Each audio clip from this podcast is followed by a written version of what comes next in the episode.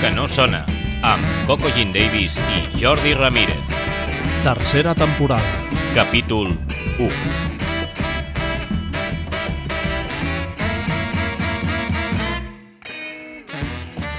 Salutacions a tots i a totes. Us donem la benvinguda a Allò que no sona, un podcast dedicat a la indústria musical catalana i les persones que en formen part. El meu nom és Coco Jean Davis i al meu costat tinc el meu company Jordi Ramírez de Buen Ritmo. Hola Jordi. Avui estic contenta perquè arrenquem la tercera temporada del podcast en la que segurament coneixerem a un munt de gent interessant. Ens presentes el nostre convidat d'avui? Hola Coco, jo també estic molt content de començar tercera temporada. Eh, doncs avui ens visita el Jordi Puig, que és el fundador de 198 eh, Músic, una empresa discogràfica de manejament i de booking. Uh -huh. eh, no sé si em deixaré alguna cosa, si no ens ho dirà ell. Ja, ja ens I, dirà. I que treballa amb artistes com el Cesc Freixas, la Bet, el Marc Parrot, eh, Blaumut o el Pop Petit. Però que wow. el Jordi ha fet eh, durant la seva carrera moltes coses eh, més, a part d'això que estic dient, i que esperem que ens en expliqui, que ens els expliqui i ens els detalli més. Eh, benvingut Jordi i moltes gràcies per ser aquí amb nosaltres. Moltes gràcies a vosaltres. Un plaer inaugurar aquesta tercera temporada. Això vol dir que, que, que la cosa va bé. Això és. Bueno, com ja fèiem el, amb les dues temporades anteriors, comencem preguntant a tots i el, els nostres convidats quina va ser la seva introducció al món de la música. Tenies algun referent familiar o No, de fet va proper? ser, va ser, com moltes vegades, molts d'aquesta mateixa indústria que ens hi trobem perquè tenim el nostre grup de música. No? Mm. Eh, jo era cantant d'un grup que ens deien Petit Furs, que vam treure de dos discos, Oh, I, I aquí va ser com vaig descobrir tot aquest món i submón de, de, de, les, de què era la promoció, el que era una discogràfica, el que era una editorial, que era muntar un concert, que era un rider, que era un counter rider, que era un contracte. Mm -hmm. Això ho vaig viure des de, des de, des de com, com a artista. Mm -hmm. I em va fascinar molt. Em vaig quedar atrapadíssim, em vaig dir, bo, jo em vull dedicar a això. Més que dedicar-me a cantar, jo em vull dedicar a estar darrere per gestionar eh, pues, carreres musicals, ajudar els artistes, i aquests 10 anys, de, de, o 8 que vam durar amb, amb el grup de música, em va ajudar molt per tenir empatia amb els artistes. absolutament, absolutament. El, el, el que costa un projecte, l'intrusisme en el projecte, el que costa fer una sola cançó, mm -hmm. eh, bueno, tot, tot, tot aquest... això Tot el que vaig, implica. Tot el que jo vaig patir, Ja. doncs eh, intento aplicar-ho ara en el meu dia a dia amb els artistes que, que treballo. Pues és curiós perquè jo, jo tinc el mateix gussanillo, no? Que són aquestes dues passions, una que és com veig una carrera que és aquesta, no? D'ajudar a, a bandes emergents, però clar, com fas aquest trànsit de tenir una carrera tu mateix, no? Bueno, estic amb aquest, aquest conflicte. Hi ha una- hi ha que una no cosa- vull deixar la música com a, com a artista, però sí que em, fascina i realment tinc una... I, bueno, I que tu bueno, ho has Sí, sí, pogut sí. Hi ha fer. una cosa molt, molt, molt, molt bonica que em va passar, ara és mo- momento batallita. Moment de com- Acabem de començar i és moment, momento batallita. Bueno, eh? ja, Vull dir, ja, ja eh? toca, no Sí, sí. passa res. Eh, la meva filla petita, eh, l'Elna, eh, van fer un treball a l'escola de què és el de què treballen els seus pares, no? El seu pare i la seva mare. I va posar, eh, la meva dona és, la Mariona és, és llevadora, vale? i va ficar la mama ajuda a les mares a que els seus nens i nenes neixin i va posar, i el papa ajuda als artistes i em va agradar molt el concepte d'ajudar els artistes. I vaig dir que estàs contractat al, al departament de màrqueting eh? M'ha encantat aquesta definició de poder ajudar els artistes. I és que realment és això. Tinc com una, bueno, és un és una mirada no? molt, molt neta, però de molta complicitat amb els artistes. Eh, tu ja saps, perquè sé que has escoltat el podcast eh, bastant. me'ls sé tots. No sé si tots. Sí, tots, tots, tots. Saps que només volem parlar de gent, amb gent de la indústria i no amb músics, que ja tenen els seus llocs de, de protagonisme als mitjans, però com que tu ja ens has dit que el, els teus inicis no, no tenen relació amb ningú de la família ni res que es dediqués a la indústria, sinó que hi vas a petar eh, com a part d'un grup en el que estaves, que eren els Petit Fours, eh, explica'ns una mica eh, com va ser aquesta carrera del grup o, o, o com acabes tu dintre d'aquesta carrera del grup anant a parar a la indústria, com, com van ser aquests anys del grup abans de que decidiu plegar i tu decideixis continuar per una altra banda. Va, doncs, doncs és molt fàcil. És, la Cellera de Ter és un poble molt petitó, de, que està a la selva, no la selva amazònica, sinó la selva d'aquí, i, i som apenes 2.000 habitants, i allà es respira molt d'art. Hi ha actors, actrius, Ah, cantants, músics, eh, pintors... És una cosa molt estranya. No sé si són els aires del pantà que Veus com si hi havia una, una relació anterior, a- sí que hi havia Sí, una sí. relació amb la indústria, amb, o amb l'art, no? Amb l'art, amb l'art. És un poble que respira molt, molt d'art. I, i, i molta gent doncs, anava a jugar a bàsquet, anava a jugar a futbol i hi havia un grupets de, de gent doncs, que tocàvem la guitarra, cantàvem, uns tocaven la bateria sense tenir bateria, però tocàvem la bateria, és igual. I, i aquest mejunge d'aquests aires de, de, del pantà i, i els aires de la muntanya que tenim allà, que és Puig de Frou, uh -huh. pues, eh, es respira molt d'art. I teníem de la colla es anaven fent grups i grupets i a lo millor el bateria era bateria de tres grups el guitarrista era el guitarrista de quatre grups el cantant no, eh? el cantant sempre era el cantant d'un sol grup, eh? sol perquè grup, si no era, era com, com estrany i aquesta barreja de coses pues, van portar i van sortir grups molt, molt, molt, molt xulos, molt importants. De fet, hi ha un company, que és el Jordi Planagumà, que, que el coneixeu molt bé, que és molt amic meu, que som de la colla, ell també tenia el seu grup de música, que són els Banda Cool, que també va néixer una mica d'aquesta necessitat i ara el Jordi pues, ha deixat els Banda Cool bueno, segueixen actius però no fan concerts però ell també es dedica a aquesta professió gràcies a, a tota aquesta màgia que passava per allà.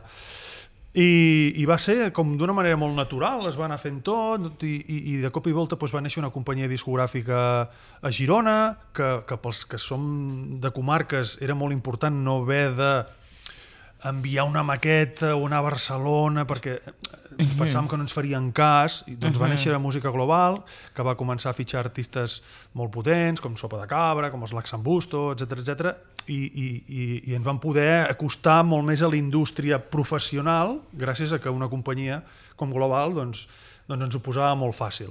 Uns estudis de gravació brutals Musicland, que també eren a prop de, de casa, que ens tractaven com si fóssim eh, eh, artistes Sí, sí, internacionals, ja i érem veus. uns palanganes, i tot això t'anava com animant i, i anava creant com una, com una xarxa no? de- Sí. d'artistes i músics, i, i aquí va ser quan ens vam anar engreixant tots. o sigui, Però um, quants discos vau fer amb Petit Force? dos, Això, discos, dos discos, una eh? maqueta, perquè abans es feia, ara no, ara, ara ja no hi ha maquetes. Vam fer una maqueta amb caset, Mhm. amb pistes, eh, i amb un caset, Ahà. i després vam fer dos discos. Sí, sí.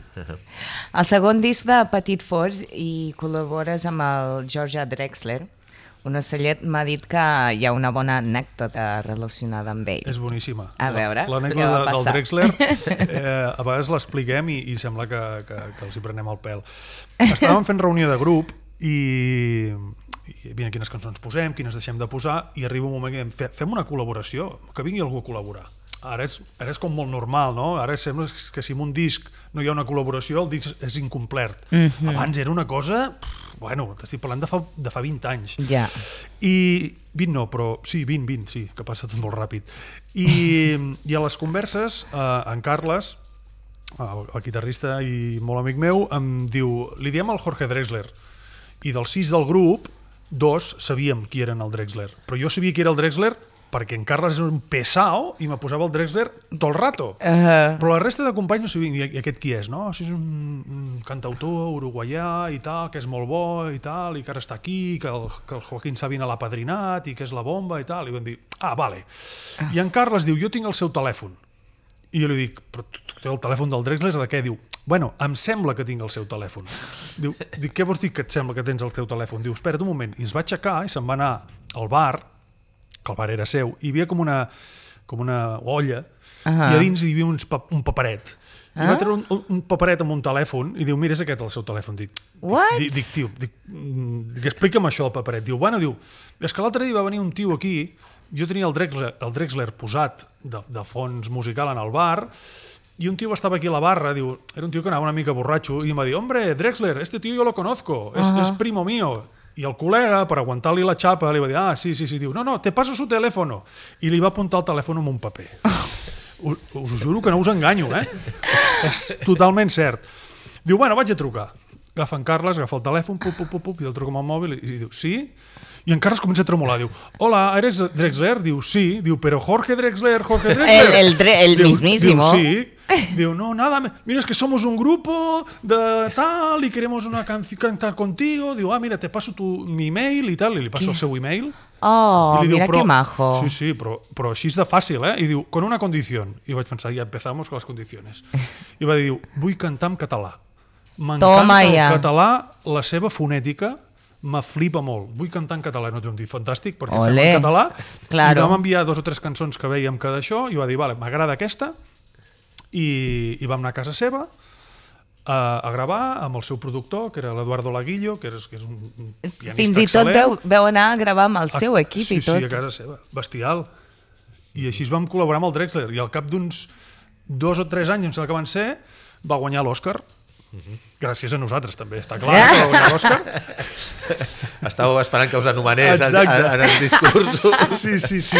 I, i això és un... I, i, I encara tenim una relació, quan es veia, hombre, com estàs? Vull dir, és, és un tio Oh, meravellós. que És maco. meravellós, el Drexler. Sí, Que sí. maco. Bueno, de fet, té un mànager que és gironí, també, en, Sí, sí. en Drexler, Sí, sí, no? de- Que és- de- que és de- de és Banyoles. És empreser, no? O sigui, Eh, que és el seu mànager. Va començar de Sí, road sí. manager i ara diria que és el seu mànager és un personal, amor, és un diria. amor.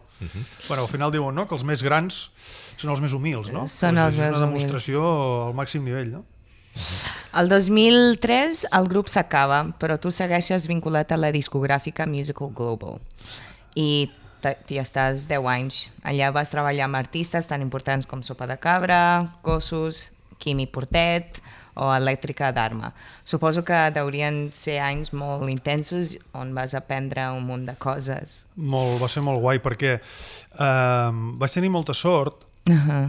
perquè o sigui, en, amb, amb el grup, amb el nostre humil i petit grup, eh, estava clar que, que la companyia pues, havia d'estar pels que havia d'estar, pels que generaven més diners i els que eren més petitonets pues, anàvem una mica rebufo i gràcies als artistes grans pues, les companyies poden fitxar artistes petits. I això te'n dones compte quan tens una Això, és, companyia... això és, molt és un bon detall, Eh, això. però quan sí. estàs tu com a artista dius, hòstia, que no em foten cas, només foten cas amb els grans. Ahà. I, i, I has de parar, no? Uh, però uh, això no ens, va, no ens va desmoralitzar, sinó vam dir no, no passa res, ho acceptem amb, amb esportivitat i ens vam dividir unes tasques a dins del grup. Un portava uh, el management, o sigui va agafar les pàgines amarilles, perquè no hi havia ni internet ni punyetes, les pàgines amarilles i anar trucant, a- anar fent bolos, van fer 30 o 40 bolos en una Quins temporadeta. temps. I, i jo em portava de la part de la comunicació. Uh -huh. Portava, pues, bueno, anava gestionant el que podia també, perquè arribes fins on arribes. Ja, o sigui, pots ja. tenir el telèfon de Catalunya Ràdio Sí, perquè podies trobar en el listín, Ja. eh, però el truca, hola, és que... Com trucar al Drexler. Clar! Vull dir, és, és picar a porta freda. Vull dir, les companyies tenen... Bueno, ara tenim això, puc trucar jo a Catalunya Ràdio i ja se m'hi posen de seguida i no fa falta que expliqui qui sóc. O sigui, tu dius que ara és molt més fàcil tenir aquest tipus de... D'informació, sí, clar, i, i ara, ara és tot molt més fàcil. Ah, I què va passar? Que, que, que, que em van trucar des de Música Global perquè van veure que jo aquesta figura la feia dins del grup Ahà. i em va trucar el Salvador Cofí, el director de, de, de Global, que li estic eternament agraït mm. i ho dic aquí públicament i ja l'he dit amb ell moltes vegades i em va fer una proposta, em va dir Jordi, di- necessite, necessito un- una personeta durant 15 dies perquè hem de moure caixes, hem de penjar pòsters, hem de... Bueno, un, un Vespa, saps? El Vespa aquí, Vespa allà, Sí, sí. pues aquest era jo. sí. I era l'època eh, d'Operació Triunfo 1, me'n recordo, o sigui, fa 20 no sé quants anys, Sí, sí. i, i, i m'anava al, al, al magatzem de Vale Music a agafar caixes, a posar adhesius, de anunciado en televisió, de, bueno, totes aquestes tasques que, Oh, que ja, molen ja. molt començar des de zero, no? Ja, ja, ja, ja, taller, ja. No? Sí, sí. I aquests 15 dies, amb la confiança bueno, doncs que jo hi vaig posar tota la meva ànima i passió, es van convertir en 10 anys. O sigui que, Mira. que allà, allà va ser una escola per mi, vaig aprendre... I tu t'imaginaves que d'allò anava a sortir no, no, tot això i que res, res, res, que va, que va. Si jo era feliç ja remenant les caixes de discos. I veia aquest, i veia l'altre, i a vegades venia un artista a l'oficina i jo flipava, però Clar. no en plan fan, eh? No en plan allò estirant-me els cabells, els que no tinc, Ahà. sinó, sinó de, uah, quantes coses em podria explicar, quantes coses podia aprendre d'aquest tio, quantes coses jo li podria També. proposar de fer, Ahà. saps? Bueno, això, aquestes ales... Això sí que es diu passió, eh? Sí, sí, total. O sigui, jo he nascut per, per, per, Per treballar del que treballo, eh? Ho tinc Qui- clar. Ah, què hi tenia mira. a veure en aquell moment música global i, i, i Vale amb Operació Triunfo? Era la vale, sí, era la vale, sí, vale, era la era la distribuïdora. Música global distribuïa. No, Vale Music era la distribuïdora, de- la de- distribuïdora de música global. de global. Abans de que es I cremés... era, I era el moment en, en Era un el que moment, estaven amb tot allò. era bestial, tio, jo vaig flipar perquè estàvem allà, eh, jo recordo que, que, que la meva tasca en aquell moment era enganxar el típic adhesiu d'anunciat a televisió, mm que abans es posaven al- als CDs, i tenia com dos palets, tenia allà feina per una setmana per enganxar això. I estàvem els companys de magatzem de Vale Music i el sentia pel pinganillo que deien atenció, que llega un tràiler de David Bisbal. I arribava un tràiler, tio, però carregat de discos de David Bisbal, encara no tocaven a terra, hi havia com furgonetes més petites i buf, marxaven. Què? Al cap d'una hora, eh, que llega un tràiler de David Bustamante, vinga, i anar fent.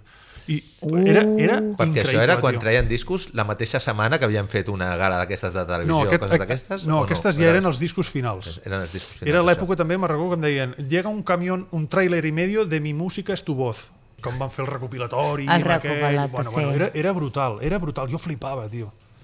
Jo, clar, estava acostumat a que veníem amb els petits furs 500 còpies, Ja. que jo pensava, qui, qui són aquestes 500 persones que ens han comprat això? Hasta, Ja. hasta, hasta m'agradaria haver-los trucat i haver-los anar saludat. Pues, Ai, imagina't bo. els trailers i trailers i trailers, era, era molt guai. I allà, pues, bueno, vaig anar parlant amb el de distribuïdor, i esto com funciona, no? Mira, esto tal, i vaig pensar, que pe- pesau este, deixa'm estar, no? Però m'interessava tot molt, Tot. De, de, de, qualsevol moviment que veia, no, no moviment sos, no sospitós, jo anava, no, jo anava allà a aprendre, Absolutament. però m'agrada, bueno, i esto cuando llega aquí, tal, no? i l'Albarán, i esto, tot, tot, tot, des de, de, des de saber com funciona la distribució, a l'edició, a la promoció, a tot, els fotolits en aquell moment, tot, tot, tot, m'interessava tot molt. I què més hi vas fer a Música Global, a part d'enga- d'enganxar enganxines, Des- d'anunciat a televisió? Doncs, doncs vaig estar 10 anys al departament de promo, eh, amb en Sente, primer els primers, eh, els primers mesos amb el Sente Fontestat, que era el bateria dels Jato, i, i després amb, fent equip amb el Juan García, que va ser el meu mestre sensei, que sempre li dic, eh, i, amb, i amb diferents companys, amb el Nacho, amb el Xavi, eh, i bueno, fèiem un equip allà molt xulo, i vaig estar 10 anys allà eh, amb el Juan fent, aprenent tot el que és fer una campanya i un desenvolupament d'un artista. Des d'artistes eh, totxos, perquè molta gent diu, bueno, és molt fàcil fer una promo de sopa de cabra, per dir algú. Mm, No, No exactament. s'ha de fer i s'ha de fer bé. S'ha de fer bé, absolutament. Eh, I llavors també, a mi el que m'agradava molt era desenvolupar artistes, d'uns xavalitos que t'enviaven una poca coseta pues, que, de, que de cop i volta els poguessis col·locar a la ràdio, que per, per mi era molt important que sonessin a la ràdio. Encara avui en dia per mi és molt important que sonin a la ràdio perquè és un altaveu mm, bestial. I, i, i, i això, va ser això, durant 10 anys fent, fent promo a, a saco i ens ho passàvem superbé amb en Juan.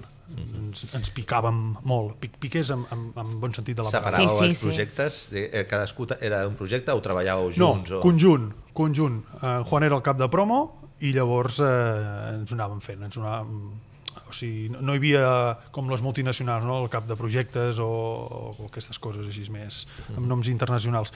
Nosaltres era, venga, a saco, amb tots. O sigui, jo podia fer des d'un artista top a un artista molt petitonet. I amb això ens anava bé perquè no ens fèiem competència entre nosaltres mateixos i això mm. també m'anava bé per jo poder ajudar més als artistes més petitonets. Clar. Saps? Si jo tenia un artista, un artista top que em demanaven els mitjans certes coses, deia, vale, perfecte, però tio, fota'm un cop de mà amb aquest altre, bueno, el que fem tots, eh, vull dir, no, no, jo no m'he inventat res. Eh, en canvi, si haguéssim tingut coses més segmentades per Absolut, projectes, eh, arriba un punt que amb els mateixos companys de, de, de l'oficina et fas tu el mateix la competència. I la competència l'has de fer amb la competència, no a casa teva. Allò que no sona, un podcast de les persones que formen part de la indústria musical a Catalunya. Parlant amb tu, eh, emane, eh, emanes, emanes molta, molta passió. És que et, et, et, et, et, sento la teva sang Sí, sí, bullint, sí. que m'encanta. Eh, tu creus que aquesta, la teva generació i, i la generació de- d'avui encara s'ha de fer aquest treball, encara tenen aquesta passió, hi ha, hi ha una ola de nova generació que vol fer el que fas tu, que té accés a el que has pogut fer tu? Jo, jo crec que sí, eh? Jo crec que Sí? sí. sí.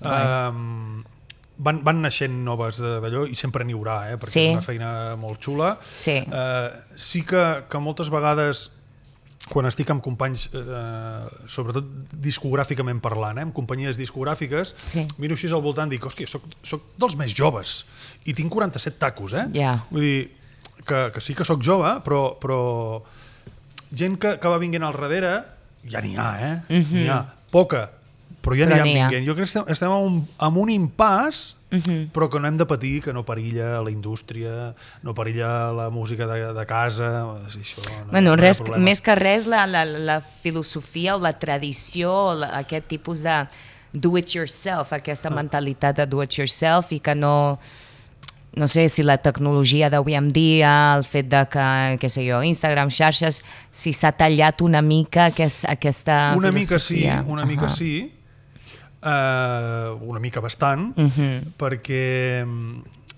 o sigui, hi ha moltes coses que, que la tecnologia ajuda Ja. i moltes coses que la tecnologia refreda. Uh Mhm. -huh. És a dir, eh, coses que poden ajudar pues, a l'hora d'enviar un disc fas un WeTransfer i venga d'aquell, a, a, a, antes eh, que Vale. si el sobre, que si el no sé què que si anar a correus, que si no sé què, no sé quantos jo em gastava una pasta mm. -hmm. amb, amb enviaments que era bestial Ja, en canvi ara, doncs, bueno, pagues el, el teu internet i envies tant, tantes d'allò com vulguis.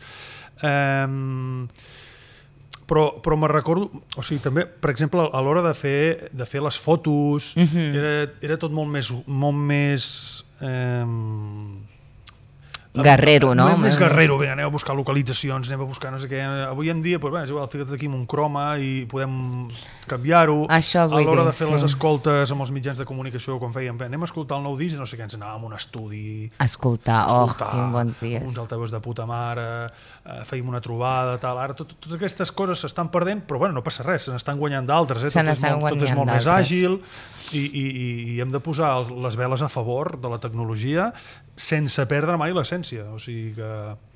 M'agrada aquesta frase. atxes. Um, el 2000, uh, música global ja estàs 10 anys i el 2013 ho deixes i comences a treballar amb RGB Manejament eh, i portant també la promoció dels grups de, de RGB.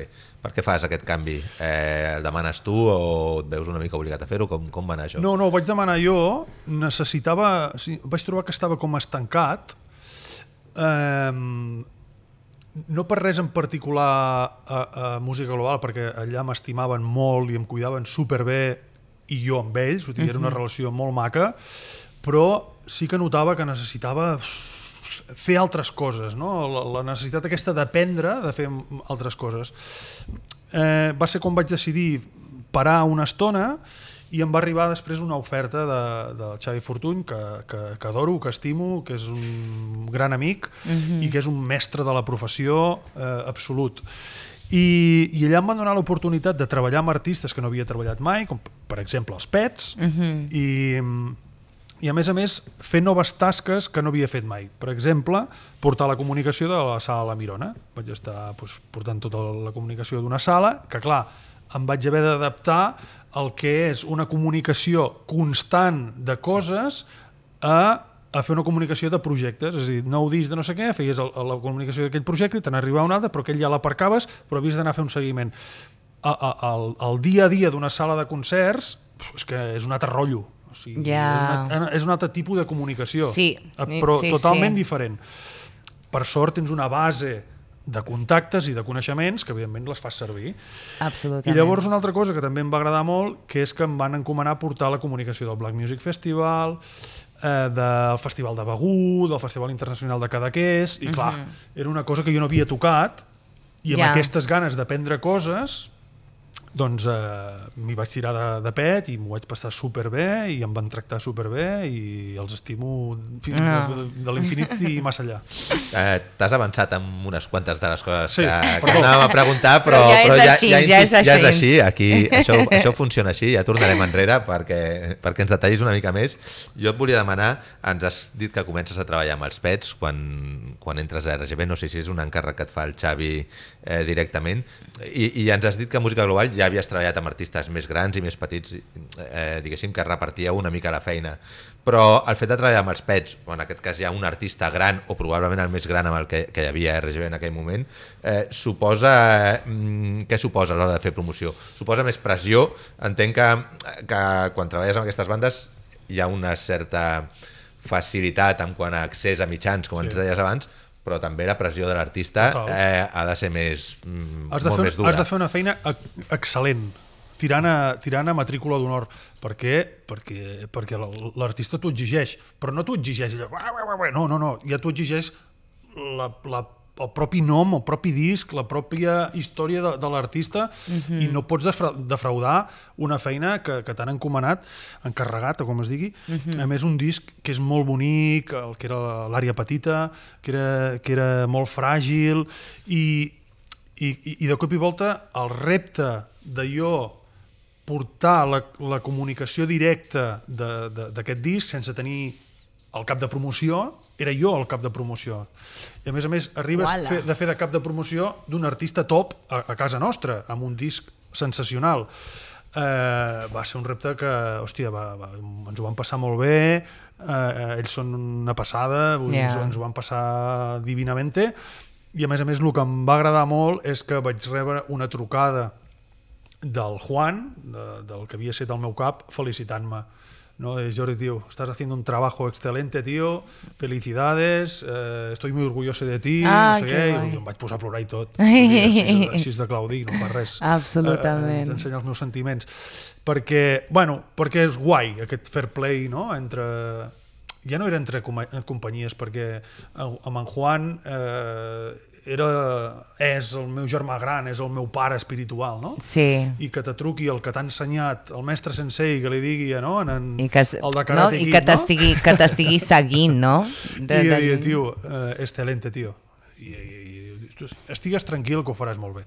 I va ser com una alliberació, no? De- I, i molt bé, i el disc va anar molt bé, la promo va anar molt bé, o sigui que Ens, ens fantàstic. de, en deies mm, això de que era un artista, i és un artista top a, a casa nostra, però quan, quan agafaves un disco dels Pets, per exemple, no sé llavors, eh, o, o si passaria ara, eh, en aquell moment teníeu també com a objectius que, que el disco tingués algú de soroll o de repercussió fora? És a dir, anàveu a Madrid també a intentar fer coses de No, promo? O, no. o, o ja ni, ni, ni es plantejava en cap moment això no, directament? No, no, eh, eh, el Xavi, en aquest cas com a, com a jefe supremo, el Xavi Fortuny, en cap moment em va dir de, de, de fer una d'allò a nivell d'Espanya, de, d'Espanya, no. Perquè després amb altres grups que han sortit poder Sí. sí. més tard en els darrers mm. 10 anys, eh, mm. sí, sí que hi ha una mica com aquesta obsessió per, per sortir, amb alguns els hi ha anat millor, amb altres menys, sí. a vegades amb alguns poder externament sembla que els hi va millor del que sembla, és a dir, Sí. sí. que només per anar a fer un bolo a Madrid ja sembla que et vagi Sí. molt bé i, i poder després no, no, Ah. no és tant, però, però hi ha hagut sí, molt aquesta necessitat o, o aquesta no, intenció en- de sortir. En aquest cas, amb ells no. Cap ni una.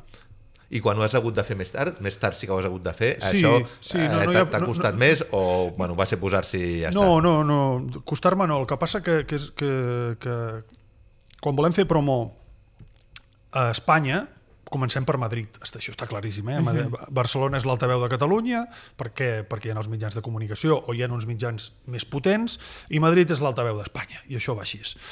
Eh, si jo sóc bo, entre cometes bo, o faig el que puc a Catalunya i molt, més molt més fàcil, quan hem de fer promo a Madrid, tinc un company a Madrid que domina els mitjans molt més que jo i és fer una, una trucada i dir, David, que tengo a este artista que tengo un concierto aquí, tal, tal, tal, tal.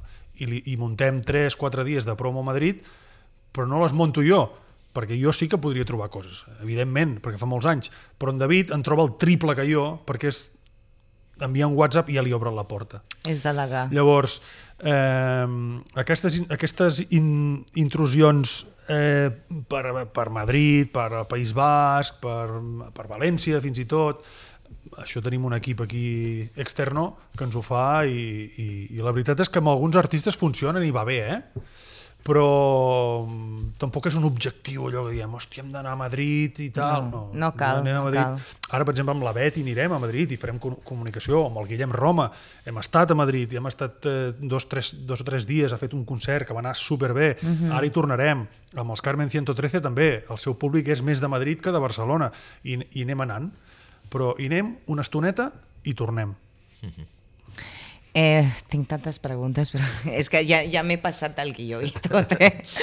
eh, vale, seguint. A 2016 decideixes iniciar la teva pròpia empresa, U98 Music, U98 Music. Qui t'hi eh, qui t'hi porta i quina mena d'empresa tenies al cap? Eh, volies fer un segell, una empresa que englobés més coses o... Doncs mira, va ser, és una història maca de, perquè quan vaig fer els 40 anys vaig tenir la crisi dels 40 Mhm. no passa res, es diu, i no passa res Arribem tots. però, però ara ja començo a tenir la crisi dels 50 eh? és forta, eh? sí, Ja els veig, hi ha eh? una Ja- altra ja, crisi, ja els no veig, ja els veig allà, ja els veig, ja els veig ja els veig allà a l'horitzó i per sort vaig tenir una crisi positiva Ahà. és a dir, em vaig sentir jove, valent, eh, eh, amb una motxilla plena d'experiències i amb ganes de menjar-me el món. O sigui, vaig dir, "Bé, has arribat als Bravo. 40, bueno, bastant bé. Calvo, però bien. Però guapo. Però no passa res. En Pep Guardiola ha fet un, una gran d'allò a la humanitat. Ah. Eh? Abans els calvos i ara Pep Guardiola ens va fer un gran, Una- un gran favor. favor. I, i, I el que vaig fer va ser eh, per això, muntar...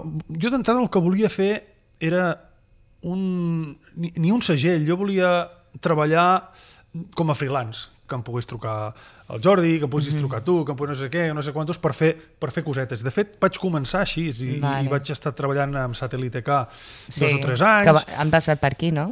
Eh, Eh, ha estat aquí l'Enric Pedascó i ha estat aquí. L'Enric, que, sí, que també és un altre mestre, i ja li dic, Enric, tio, quan el veig, bueno, ens abracem molt perquè, perquè és un tio collonut. I l'Enric també em va ensenyar moltes coses, i vaig treballar amb artistes que no havia treballat mai, mm, com per a la Judith Nederman, com la Maite Martín, com el Roger Mas, jo què sé, molts, etc etc. O, o, o, o, o uns discos molt xulos que eren Big Band Beethoven, que eren música de clàssica mm. enfocada per nens i nenes, i clar, havies de- de- d'imaginar-te com podia fer una campanya de comunicació d'allò. Mm -hmm. bueno, coses molt, molt guais. I eh, per facturar, eh, jo facturava com a Jordi Puig, com a autònom i pringat, que som els autònoms. I llavors vaig dir, ostres, hauria de buscar un nom, en comptes de Jordi Puig, que el nom fiscal sigui Jordi Puig, però que la marca sigui una altra. I, I vaig pensar, hòstia, allò donant voltes amb el nom i no em sortia res, tenia una llista i tal, fins que em va venir la divina inspiració i vaig dir, ostres, en aquest projecte jo hi posaré tot l'amor, tota la meva passió, tota la meva mm. professionalitat i tal, i fins i tot hi posaré la meva alçada. I aquí em vaig parar vaig dir, ja ho tens. Metre 98, Ah, un 90. Ai, però que bueno. Sí, sí, li, i li vaig posar això. I a més a més vaig fer aquesta U Que d'Ulisses. bo, Ah, m'encanta. És, un, és, és, una, és una picada d'ullet als, als U2, als U2, que en sóc molt Ah. fan. No? És aquest, en comptes de U2 és un 1,98, que és la meva 1,98. alçada i tot això. I, I un dia em truca el meu estimat Miquel Abres, Jordi, escolta, tio, que, que vull parlar amb tu perquè amb, amb Miquel, amb el seu soci, amb Mario, havien muntat un segell que es deia Visceral Records, que jo els havia ajudat, perquè amb en Miquel som molt amics, uh. -huh. perquè havia treballat amb ell també com a artista, amb en Miquel va passar una cosa molt xula i molt maca, que és que, que van passar de la relació de representant o, o promotor a artista, van passar a ser amics. I això és molt guai, passa molt poques vegades. Eh, i, I quan ell estava muntant eh, aquesta d'allò, jo els deia, pues mira, la distribuïdora digital li podria dir amb aquests, eh, mira, et passo el telèfon. Uh -huh. eh, la distribució física podríeu fer amb aquests. La SGAE, heu de parlar amb aquesta persona. I, i els hi vaig dir les quatre coses que, que s'havia de fer per muntar una, una companyia. I un dia Toma. em truca i em diu, Jordi, vine, que tal, que vull fer una proposta. I la proposta era eh, els discos que tu vulguis editar, com a 1,98, pues, si vols, eh, en comptes de fer de freelance, també poden passar per aquí, per, per Visceral Records, i que els hi donguis un servei més, servei de streaming, servei de, de venda i tal. I Que vaig guai! Dic, hòstia, molt bé, que guai. Diu, diu, i anem a mitges? Dic, fantàstic. puta mare. I vam, vam començar així molt a poc a poc, però donava, donava molt poquet. Què va passar? Que en dos o tres mesos d'aquest invent Sí. ja havia editat més discos jo en dos o tres mesos que ells en tres anys. I en Mario i en Miquel em van dir no té cap sentit uh. -huh. que això sigui un subsegell, sinó que el segell ha de ser ja, eh. un 98. I ens vam associar, i som els tres socis, Miquel, Mario i servidor de vostès. Que I aquí va començar, pues, pues vinga, va, anem-hi, Ah. i, i vam començar pues, a, a poc a poc, pues, amb, jo deixant de fer més promos així que, que, que, que m'encarregaven, ja tenir més feina. Hi va haver un moment que un 98 em va parlar, perquè a mi un 98 em parla, eh? i jo parlo amb un 98. Ja, ja, I un ja, 98 ja. em va dir, Jordi, et necessito al 100% aquí al meu costat. I va ser Mhm. quan vaig deixar de fer coses per tercers per dedicar-me exclusivament a, a la meva empresa. Um, des de que comenceu, eh, que ja ens has explicat ara que aquesta no, no era la teva in intenció Se'm va escapar eh, i, les i vas mans. a parar, eh, heu incorporat a l'empresa eh, o a la discogràfica artistes com el Cesc Freixas, la, la Bet, que ens en parlaves que Mhm. estàs treballant ara, Blaumut, per exemple. Com, com, han, com han anat arribant aquests artistes? Els heu anat a buscar, us han vingut a buscar ells, ja els hi feies tu la promo i això ha portat això? Com, Explica'ns Sí. una mica com, com ha sigut el... Un, una mica de cada. Per exemple, amb la Bet ja havia treballat el seu primer disc en català, el Segueix-me el, fi, el fil, i, i va ser més fàcil a l'hora de parlar amb ella i aquestes coses perquè ja et coneixen. Però, per exemple, jo que sé, artistes que, que, uh, que el d'això, que el Cesc, Freixas, per exemple, el Cesc Freixas va ser un dels artistes que havia encarregat una promo feia temps i quan va treure el següent disc vaig dir Cesc, no m'encarreguis res perquè si vols et fitxo jo com a artista va dir, hòstia, fantàstic o artistes, per exemple, que jo els, hem- els hem anat a fitxar com el Guillem Roma Vull dir, hi ha una mica de tot. O, per exemple, el Pot Petit. El Pot Petit, jo els vaig veure un dia en un concert i vaig flipar. I no eren...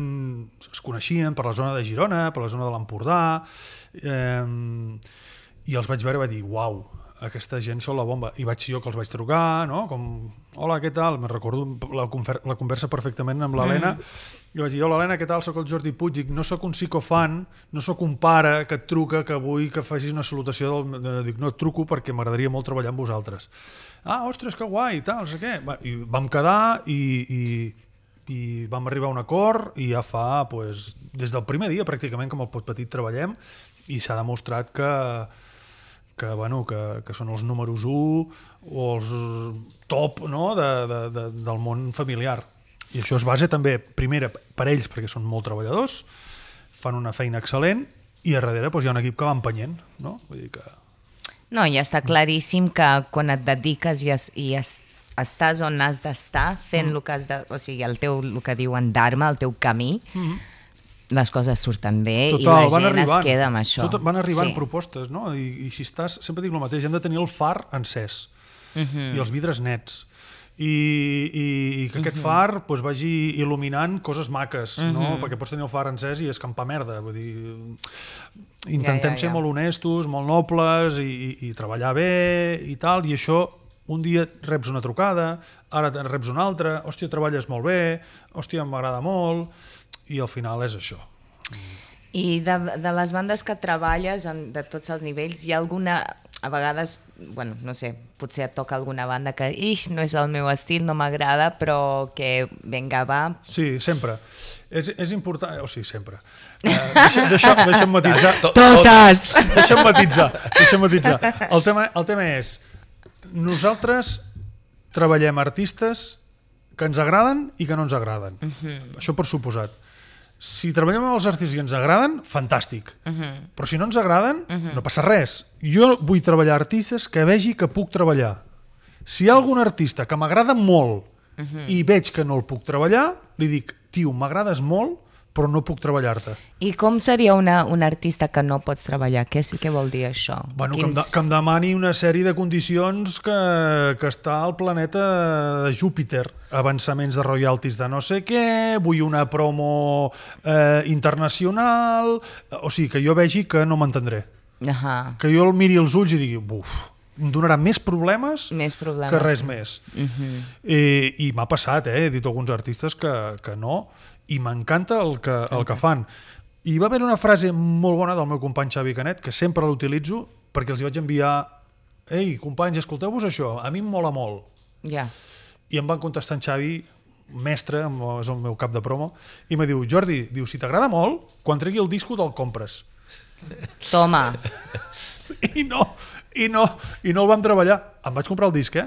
Sí. Em vaig comprar, però no el van treballar. Per què? Després ell ja em va, em va desenvolupar... Eh, con- ah, por aquí no vayas. El, el, Zasca, no? Bueno, no, no va ser un Zasca, sinó un consell, no? Ajá. I, i realment sort que no el van fitxar perquè allà on va anar, no diré noms perquè no cal, No, va no ser un cal. desastre, només problemes... Llavors, bueno, això, això ho notem una mica i ens equivoquem. I eh, Jordi, bon ritmo, en el teu cas, també et trobes en això? M'estàs posant en un compromís. No, però és en plan... eh, eh, et pots... T'agrada el meu disc? Jo, jo vaig aprenent, ja que tinc els dos mestres aquí, Sí, també t'has és- trobat és- amb és- aquesta és molt situació com- i és com ho molt portes. Com diu el Jordi, sí, sí. Al final és mm, treballar amb gent que toqui de peus a terra i que no t'estigui demanant coses Sí. eh, que, bueno, que vegis que no, que, no, que no poden ser. De fet, anant una mica a això, a- al tema d'estar de, de peus a terra i tot, Ahà. el Jordi ens parlava del, del pot... Del pot una Ja l'ha boig, dit, no? ja, ja l'ho ha dit. Ara toca el violí, eh? Ha tocat el violí. Eh, un dels grups del que ens parlava el Jordi, però és que em sembla que és rellevant, eh? que és el, és el Pot Petit, que, que està dirigit al públic familiar, i això també m'ha m'ha tocat, perquè en els últims anys l'oferta pel públic familiar eh, s'ha multiplicat creixent, i sobretot s'ha professionalitzat molt, que, que això ens porta al que parlàvem, eh, de, de tocar de peus a terra o, o no. Eh, jo, jo ho he viscut aquí, per exemple, amb un altre dels grups amb els que treballem a, a Buen Ritmo. Eh, tu com la veus, aquesta explosió i aquesta professionalització i sobretot a l'hora de treballar amb el pot petit que et diguessin que si tan ràpid o si quan vas a començar a treballar amb ells estaven en un punt i ara m'imagino que el nivell d'exigència amb tot Sí. és molt més gran, o sigui, això suposat. ha, ha anat passant, eh, també. Per suposat, no, són un, ara mateix ells, quan va començar, eren dos. I ara són, no sé, molts. Eh, i, I aquests molts, tots són uns cracs, vull dir, no, no han fitxat per fitxar, vull dir, tenen la seva oficina, els seus departaments, eh, fan uns espectacles bestials, eh, superprofessionals, amb unes cançons molt boniques, amb uns valors, eh, amb uns arranjaments, tot molt ben pensat, amb uns vídeos, amb un vestuari, i, i això està molt bé, o sigui, eh, tot i això encara hi ha un punt de que fa molta ràbia mm. de que un grup eh, en el mateix lloc, eh, el mateix dia, per exemple, un concert del Pot Petit amb un escenari que hi poden quebre un escenari, un, un, un espai que hi, po hi poden quebre 1.500 persones, quan toca el Pot Petit posa les 1.500 persones i cobren X, al cap d'unes hores toca un artista que es diu I i cobra 10 vegades més que el Pot Petit i hi ha 100 persones. Això, Ah, això no és molt just. No. és, és injust absolutament. No? Hi ha encara un menyspreu, mai millor dit la paraula, Ah, per sí? artistes de, del públic familiar que són eh, molt importants per la societat Molt importants per la- catalana i, i per la cultura, perquè, perquè ostres, el, el, el, tota, tota la mainada, nens i nenes, consumeixen plataformes i el Pot Petit està fent una tasca de posicionament de l'i- de l'idioma, quan dic el Pot Petit, puc Ja. dir el Rigui per xics, o puc Sí, dir sí. la Damaris, o puc dir eh, la Lali Bigut o el Jordi Tonietti, Ja. eh, o, i un llarg, etc. Sí. Llavors, encara hi ha certa... mm, No discriminació, Sí, però en plan, sí. és per, per Sí, als sí, nens sí, i no és el sí. mateix que I ser... no, I no val a dir justament això que dèiem, de hòstia, és que venen aquí amb una sabata i una espardenya. No, no, no, no venen una sabata i una espardenya, un espectacle bestial mm. i funciona molt bé. Ja. I hi ha molta gent treballant-hi i a vegades els que venen amb una sabata i una espardenya Ja, poden ser aquests que venen amb un, amb un pendrive i tenen el micro amb una merda d'aquelles que modula la veu en xandall, i, ja. i vinga, uh, clar, Xandall. En xandall. Tu no saps el que jo ho diu veure artistes sobre l'escenari vestits. Perquè Ja sé que és còmodes. una cosa...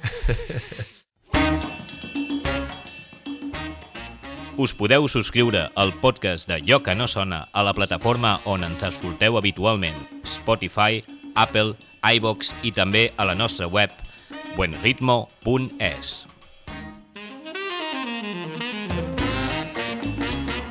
De fet, a, a, amb, amb aquest tema, que, que crec que és així, però que ha canviat a millor amb els anys. Eh, Total, total, menys mal, eh? moltíssim. eh? eh L'altre dia, justament, i, no sé si ens escoltaran, i tampoc no sé si és una crítica o no, eh? és una reflexió que em feia, eh, estàvem als Premis Under Rock i, i em va semblar que en aquest aspecte hi ha hagut un pas en, enrere eh, que, que de feia anys es, com es reivindicava, que, que si hi havia premis al públic familiar eh, no siguessin premis menors, etc.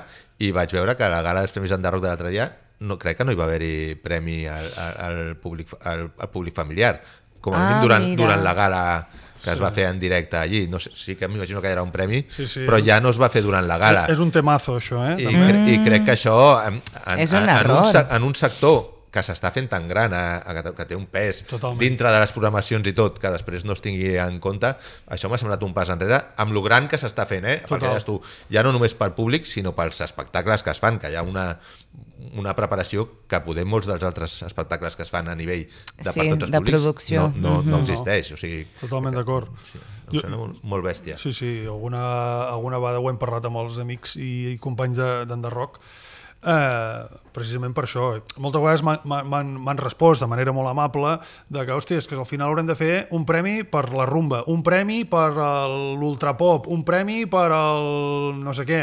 Llavors, bueno, hem, hem d'anar reivindicant i tot això perquè, perquè no pot ser que es quedin sense espai aquests, aquests tipus Bueno, d'artistes. També passa amb els mitjans, per això crec, no? Quan hi ha un Bueno. llançament de tu, tu que els hi has fet Bueno. promo al Pot Petit, és a dir, una, una banda o un projecte com el Pot Petit que pot vendre tantíssims discos, que pot vendre tantes entrades com ven, És que és de, de això. fer una setmana sencera a Barcelona Uh -huh. amb un teatre I- o, i sold out o, o, el, o el que vulguin, i que costi que hi hagi una repercussió als mitjans i després, eh, segons quin artista va tocar una sala de 500 persones i, Que n'hi van i, 30. i, i, i poder, bueno, no, no sé si ni quantes n'hi van, però ni que n'hi vagin 500 al final, eh, el cas que se li fa és molt més gran perquè sembla que sigui una cosa més seriosa i, i bueno, ja no sé si és perquè són els nens que no compren diaris o no es costen els mitjans, però, però hi haurà els seus pares, que, que els nens no van sols en lloc tampoc, no? Total. no Això, això en un país normal, Catalunya no és gaire normal, és, un, és, és diferent, és especial, com vulguis dir però un país normal, un artista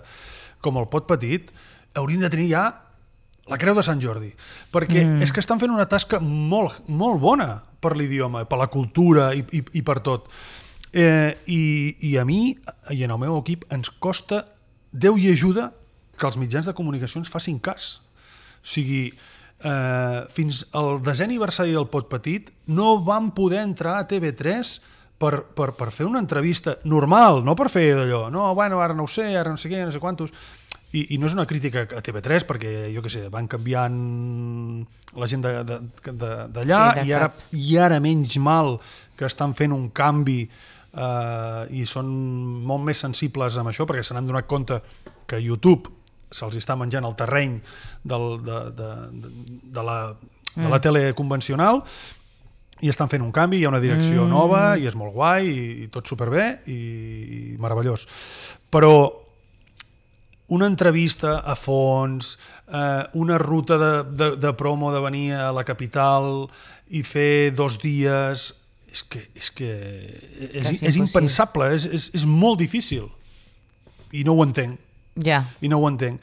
I, i, i molts artistes, perquè tenim un subsegell que és un 98 minuts, que és on editem diferents artistes de música familiar, eh, jo els hi dic i els hi poso moltes vegades l'exemple del grup, del Pop Petit, i els dic, ostres, el Pop Petit, que són els número 1, eh, eh, em costa molt a nivell de comunicació, ostres, tingueu paciència, eh?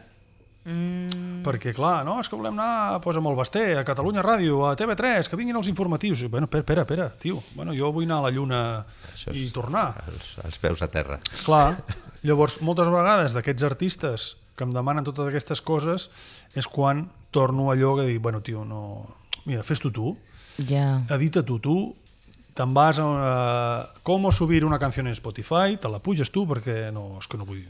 Ja. Llavors, No, i el curiós és que tots aquests eh, no, mitjans i entrevistadors i tot tenen fills i segurament creixen amb aquestes bandes o en Sí, sí, la gent rock o el que sigui.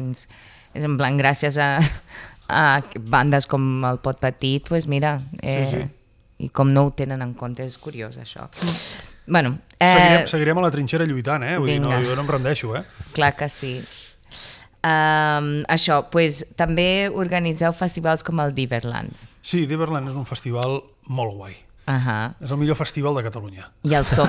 ja, vale, ara ens, ens explicaràs una mica. I el som de mar, també. Sí, també. Que ens pots aquest, explicar? aquest any no el faig al Son de Mar. Aquest any vull fer vacances a l'estiu i m'he quitat. No ho vull fer. Vull estar amb la meva família perquè, perquè me'n donaré compte i seran més altes que jo. Abso, ja. I, I vull passar els estius, ja que estic durant tot la resta de l'any pedalant mogollon amb el meu equip i fent més hores que, que un rellotge, aquest any eh, els hi vaig dir a les meves filles que no, i a la meva dona, però la meva dona ja ho sabia, però un dia, amb un dinar, amb un sopar, Ah, amb un dinar, pap, aquest any el papa farà vacances a l'estiu i tal, i es van fotre un crit de... Uh! L'he l'he encertat. Vale. I el Diverland, Però llavors, ens- El ens Diverland expliques una mica El Diverland és molt, és molt guai perquè... Sona divertit. És, és, és molt, molt, molt divertit. Ho fem amb l'Orquestra Diversiones, amb l'Albert Fort, que és com si fos el meu germà. Somos do, almas gemelas separades al nacer. Uh -huh. I mm, Diversiones és un altre fenomen musical eh, que no cal entendre-ho. És igual. Mm -hmm. En plenen allà on van, sobretot a província de Girona, ara comencen a venir cap aquí, però és una cosa bestial. O sigui, ho peten allà, allà on van. I un dia a l'Albert li vaig dir, Albert, dic, tu n'ets conscient de tot això que us està passant? Dic, perquè tu trobes com una manera normal posar entrades a la venda a la Mirona, que hi queben 1.800 persones, i vendre-ho en 48 hores. Per tu és normal, per mi no. Mm. Dic, un dia et faràs gran, et faràs un iaio, i no tindràs cap record d'això. Bueno, sí, tindràs fotos, tindràs el mòbil o el que sigui, vés yeah. on, on d'allò. Dic, però fonogràficament parlant, amb, yeah. uh, no tindràs res, i com un vídeo professional no tindràs res. I va dir, no, no, no, jo passo de gravar un disc en directe, diu que són molt dolents i en directe encara ho semblarem més. Dic, però bueno, ja ho arreglarem, Albert. Això ja ho arreglarem. Que no, que no, que no, que no, que no. Total, que al final el vaig convèncer, però el vaig convèncer amb arguments, eh? No, no, no, no convèncer per convèncer, amb arguments. I al final em va dir, ets un cabron, vinga, va, fem-ho. I van fer un concert a la Mirona, que van fer el Diverdisco, és a dir, el Diverdis- Diverdisco, lo mejor de lo peor i ho vam patar i ens ho vam passar superbé i tal. I, i després de- d'aquesta experiència tan xula, eh, un dia, eh, encara amb la ressaca emocional de, de, de tot plegat, estava en un càmping amb, eh, amb les meves donetes Sí. sí. i estava rentant el- plats. Mi rentar plats em relaxa. Estava rentant plats. I, i hòstia, em vaig, em vaig girar i em vaig imaginar un festival a dins un càmping i que es digués Diverland i que hi hagués una xaranga i que hi hagués una diverpaella i que hi haguessin activitats per nens i nenes i que a més a més passés en els anys 80, que era quan nosaltres érem feliços, bueno, ara també ho soc, eh, de feliç, però no teníem preocupacions O sigui, i era la bomba... un espai de nostàlgia a tope. Total! I li vaig enviar un WhatsApp a l'Albert i li vaig ficar Diverland. I, i al cap d'un rato em contesta i fica fill de puta. I res, ja van començar de tal i, i res, ja portem una quarta edició, ho fem al, a, en el càmping interno, internacional de Calonja, posem les entrades a la venda i al cap de 48 hores està tot venut, o sigui, Oh. la, de- la, la d'aquesta temporada ja, ja està tot venut Wow. I, i és una experiència molt xula perquè hi van famílies, hi han grups dels, 70, dels, dels 80 i els 90, eh, aquest any pues, ve el DeLorean, de, de Regreso al Futuro, fa uns anys va venir el, en Kit, del Cotxe Fantàstico, eh, maquillem els nens i les nenes en pentinats dels 80, que és el, eh, el, la, senyor, el, la senyorita Pepis, en diem, Sí. l'espai senyorita Pepis, hi ha l'espai Espinete, l'espai dels Goonies, i, Que i, i és guai! molt, molt xulo, és molt guai. És molt guai, ens ho passem teta. I llavors eh, fem, fem aeròbic, zumba no, eh? Aeròbic. Molt Claro, important, eh? aeròbic. Amb els escalfadors, En plan- música de la Madonna, en plan Michael fonda, Jackson. claro. Sí, sí, fem, fem concursos de, de, de balls, l'any passat vam fer el ball de Dirty Dancing, doncs hi, hi ha uns professors que ensenyen, després la gent es posa a ballar, bueno, és, és, és molt divertit. I que la comunitat te pot proposar coses o vosaltres feu ja... no, les... no volem que ens proposi res, volem fer-ho tot nosaltres. Vale. Perquè ens fa, en, amb, amb el, lo, lo divertit amb, amb l'Albert és que ens enviem missatges i ens posem molt catxondos. Hòstia, podríem fer això. O sigui, no tenim, no tenim límit, som nosaltres. No, claro. El límit el tenim amb el pressupost, perquè, però, però a, a nivell d'imaginació, Sí. si no arribem amb pasta, arribem amb, amb el que sigui. Ostres. Sí, sí. Uh, I això a l'Ajuntament, amb Sí, l'Ajuntament i tot això? L'Ajuntament i, el, i, el, i, el, i el càmping pues, estan tots d'acord, estan encantats de la vida. Perquè és, que és, que- és, que és, és que és un festival de bon rotllisme màxim. Que és per tothom. És per tothom, la gent es pot quedar a dormir als bungalows, venen amb caravanes, ara que estan de moda les autocaravanes, pues a tope amb les autocaravanes, els Olé. més joves venen amb la, amb la tenda de campanya, i clar, hi ha una sèrie de, de, de serveis que tu com a organitzador no has de posar, o sigui, hi ha, lavabos, hi ha, hi ha el, el, el llumenat, hi ha, hi ha, hi ha, està, està ballat, I, eh, i, hi ha la gent, I seguretat. quanta gent? 3.000. 3.000. 3.000 cada dia. Déu-n'hi-do. De... Sí, són 3 dies, 3.000, 3.000, 3.000. Wow! Molt guai. Parlant de festivals, ara ens has dit, eh, ja, ja anem acabant, però com, com abans has començat amb aquest tema i, i ens n'hem anat una mica, ens has dit ara que el Som de Mar ja no, ja no faràs aquest any, que vols fer vacances. Sí. Eh, pensava també que, que ara estem en un punt en què hi ha moltíssims festivals, de, de quan Sí. vas començar tu o quan vam començar la majoria dels que Sí. estem aquí a, a avui, el número de festivals s'ha multiplicat, no, no sé per quant, però No sé si diria n'hi que havia- per, per, mi, per mil, no, No sé sé, si eh? O- havia... o- L'any passat em sembla que, que la ARC ho van dir, que eren, n'hi havia 360 i pico festivals. Doncs per cent, no ho sé, és o igual. sigui, hi ha un festival al dia. per, per molt. Ah, Només a sí? Catalunya, eh? I, i la, la sensació que, que, que, que tinc eh, és que la competència és molt bèstia i que no sé, com, com si això no pogués aguantar. Tu ens parlaves abans de que fer la comunicació per un festival eh, és molt diferent de, de quan la feies per un grup, quan mm. estaves a, a RGB, que ho havies fet pel Festival de Begur mm. o, pel, mm. o pel Black Music, i m'imagino que amb, el que amb el que et queda ara, que és Diverland, la comunicació no és un problema, perquè Zero. si no vens entrades no, no t'afecta perquè ja les tens totes venudes. Total. Però poder amb Som de Mar no, no era així. És a dir, com, com, com és fer la comunicació per un festival, encara que no facis el Som Sí. de Mar ara, ara mateix, i, i com és la competència entre festivals en aquest moment, que, que no n'hi ha quatre, sinó que Sí, n'hi ha no? això, 360 o 400, i que la competència ha de ser duríssima, Duríssima. m'imagino. Començant, començant per, per, d'entrada per, per, per portar els artistes. Quins artistes pots portar que siguin d'interès, que puguin vendre eh, entrades i que la competència no els tingui i si la competència els té eh, i tu els pots eh, fitxar que no tinguin la clàusula aquella de eh, no pot tocar eh, a menys de no sé quants En- en quilòmetres sí. o amb un mes de diferència i tal. Llavors, tot això cada vegada es va reduint, cada vegada es va reduint més. Per tant, els festivals petitonets és molt difícil fer una programació que sigui guai. O sigui, t'has has d'anar Ja. a buscar coses... Bueno, ja, ja, hi ha possibilitats, eh? Però al final, per això, una de les coses que passa és que en- entre els festivals sempre es repeteixen molts, molts artistes, que són els que sa, els promotors saben els que venen, que venen tiquets i són els que estan de gira. I a nivell de comunicació, doncs clar, és evident que festivals super totxos amb uns pressupostos que hi ha més zeros que res més, zeros, zeros, zeros per darrere, no, Mm. Sí, no per sí, sí, davant, sí, eh? sí, sí. Eh, clar, eh, nosaltres, eh, quan vam fer el Som de Mar, pensa que, que el van fer en un moment també amb una pandèmia. O sigui, era l'any que tots els festivals anaven anul·lant i nosaltres el vam... La gent deia, tu estàs boig! I, i el van fer. Eh, I clar, en, en aquell primer any sí que teníem l'avantatge aquest de que jugàvem a que tothom està dient que no i nosaltres diem que sí, però clar, arriba un punt que quan tot arriba a la normalitat Ja. és molt difícil poder fer campanyes de comunicació totxes. Llavors, què has d'anar a fer? Més locals. I, i, i sobretot, eh, campanyes que tu puguis controlar a nivell digital. A nivell digital es poden fer campanyes molt potents amb pressupostos més ajustats. Més ajustats. Però quan, si- quan, comences amb les banderoles, quan comences a enganxar, quan comences amb campanyes de tele, campanyes de ràdio, diaris i tot això, buh, te'n va el pressupost. I a sobre també eh, no pots competir amb, amb grans festivals, llavors. Eh, Però hi ha públic, o hi ha públic, o, o sigui, teniu com el vostre públic que Sí. es manté... Hi ha públic tal? si l'artista interessa. Si, no, si l'artista no interessa, no hi ha públic. El facis o no el facis, i et diguis com et diguis. Hi ha excepcions de festivals amb molt renom, que, que anem a veure aquest any a Cap Roig. Mm. Hi ha molta gent ni es pregunta sinó perquè és un esdeveniment i Cap Roig és un festival on del, espectacular amb la gent de Clippers que, que, que són superguais però, però si un artista no tira Ja. mm, pateixes, eh? Ja, ja.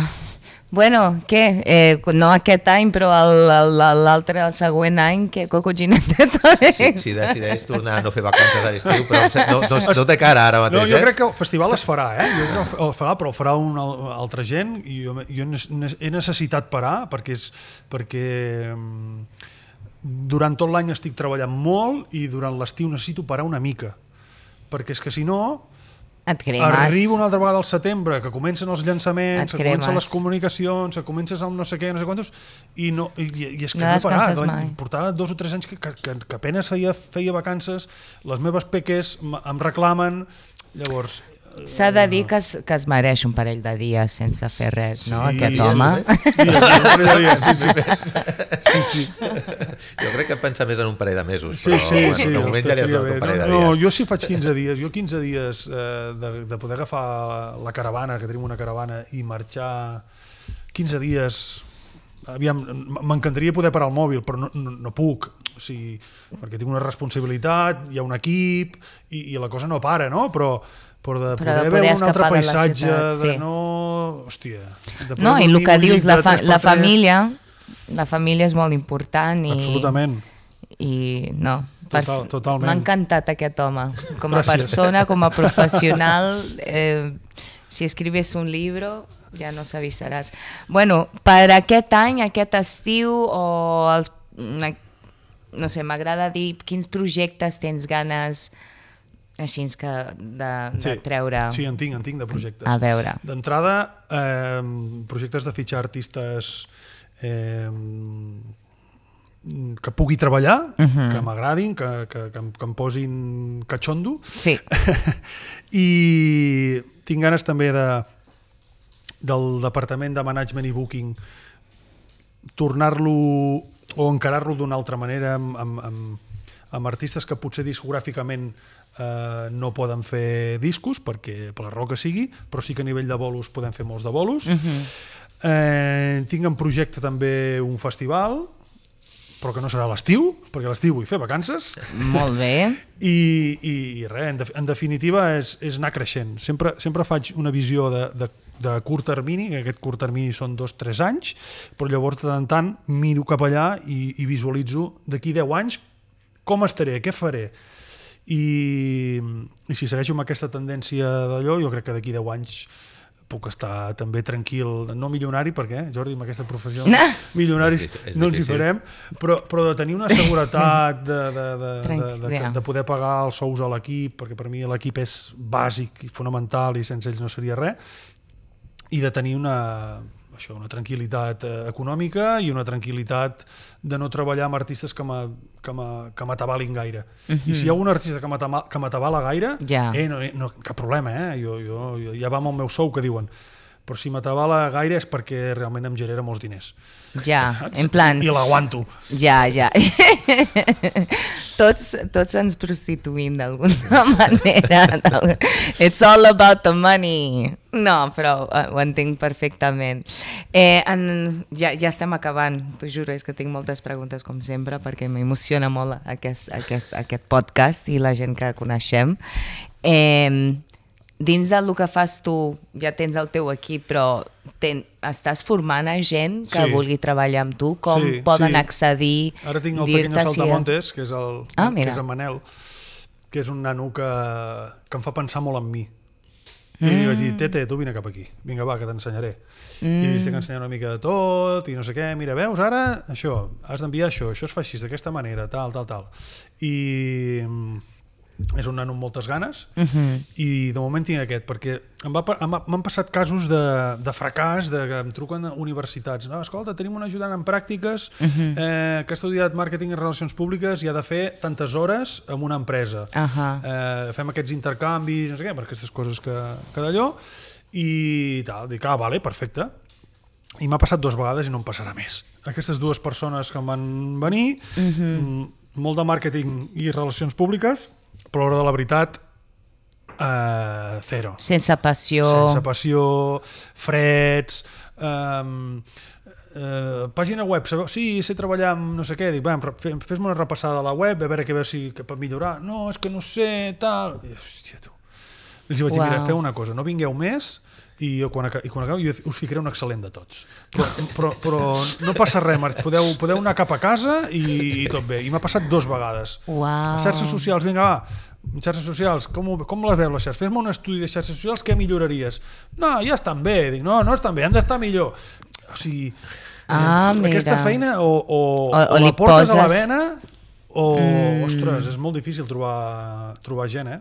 Ja, I, i què, reps com, què sé jo, cartes de gent, emails Sí. de gent que vol treballar a tu Sí. i fas un screening, Sí. segon currículum, tot Sí, de això. fet, de fet tenim, tenim com deia aquell, dos línies d'investigació. Una, una és... Eh, vam, vam crear una campanya que es deia T'escoltem, Ok, que, que, que era molt fàcil, era t'escoltem arroba 198music.cat, que era pels artistes. I vam fer una campanyeta de t'escoltem, tal, tal, tal, tal, tal, que ens enviïs maquetes o demos i tal, per nosaltres poder valorar i fer d'ARs, no? sí. no sabeu la de quantitat de, de, de mails que ve que, que, que vam rebre, vam dir, hòstia, una bona salut, una bona salut musical, Sí, sí, no? sí. D'artistes emergents que no tenen companyia i tal. I, i d'allà em vaig fitxar un, que és el Roger Pedrós, que és espectacular, mm. boníssim, eh, i, i van fer el mateix amb, amb T'estem buscant o estem buscant talent. Però aquest T'estem buscant talent no era talent musical, sinó talent... Talent, talent, de- d'oficina. D'oficina. Vam rebre, bueno, currículums de la hòstia i tal, no sé, no sé quantos, si fas entrevistes, però veus que falta, falta allò. Falta empeny. I en Manel té allò. Ara que no se, no, Bueno, no se m'ha des, despisti i la competència, me li foti una oferta i em quedi sense, sense res. Eh, bueno, ja, ja, ja hem acabat aquesta primera... Que per eh, cert, jo tinc una, primer- una anècdota amb tu. Ara fliparàs. Ai, però... Bla, bla, bona, bona, eh? Black, Black Music Black Festival. Music Festival. És que sí A- a- que ens en hem... el, en el, en el, eh, on era això? Al Parc del Migdia vau, Ui, fer, ui, ui. vau fer un bolo i quan vas acabar vas travessar Te recordes o no? Vas travessar tot el, tot el Parc del Migdia Amb, excite, amb això amb Amb excitement. excitement. Sí, vas d'allò i tothom es va posar d'en peus i et va començar a aplaudir. No te'n recordes d'això? És que sol passar molt, això. Ah, doncs me'n recordo, vaig per... però, però no sé, hi havia 2.000 persones allà a la, a la gespa i ella, ella, ella sortia del backstage i anava a buscar una birra, o jo què sé, eh? però ella anava de... Ja no anava d'artista, anaves de tu. Sí. I la penya Buah, va començar a aplaudir, jo pensava, hòstia, pobra. I anava així amb la cerveseta. Que no. No, que, que, que, que sí, que no, no, Sí, no sí, m'agrada sí. que em mirin així amb la birra bo, després, però bueno. Bueno, res, que t'ho volia... Ai, moltes gràcies. Sí, sí, ser pues guai. sí, sí, sí. La vida de l'artista, eh? La vida de l'artista. Vale, pues res, aquí ens despedim del Jordi Puig. Uh -huh. Moltíssimes gràcies, més que un plaer eh? ha estat xerrar amb tu. Eh, torna quan vulguis, si tens novetats, temporada aquí estarem. quatre. Vale. Jordi, eh, moltíssimes gràcies eh, per venir. Eh, M'ha fet molta il·lusió. Ja quan t'ho vaig proposar eh, vas dir que sí molt ràpid, que a vegades Sí, sí. costa una mica més, i ha sigut molt ràpid trobar el dia. I a tots vosaltres, doncs, moltes gràcies per escoltar-nos. Eh, esperem que us hagi agradat el programa i que ens seguiu acompanyant durant aquesta nova temporada. Com sempre, us agrairem que ens deixeu una puntuació a la plataforma on ens escolteu i que us hi subscriviu a qualsevol de les plataformes on, on ens podeu escoltar, iVox, Spotify o Apple Podcast. A reveure! A reveure.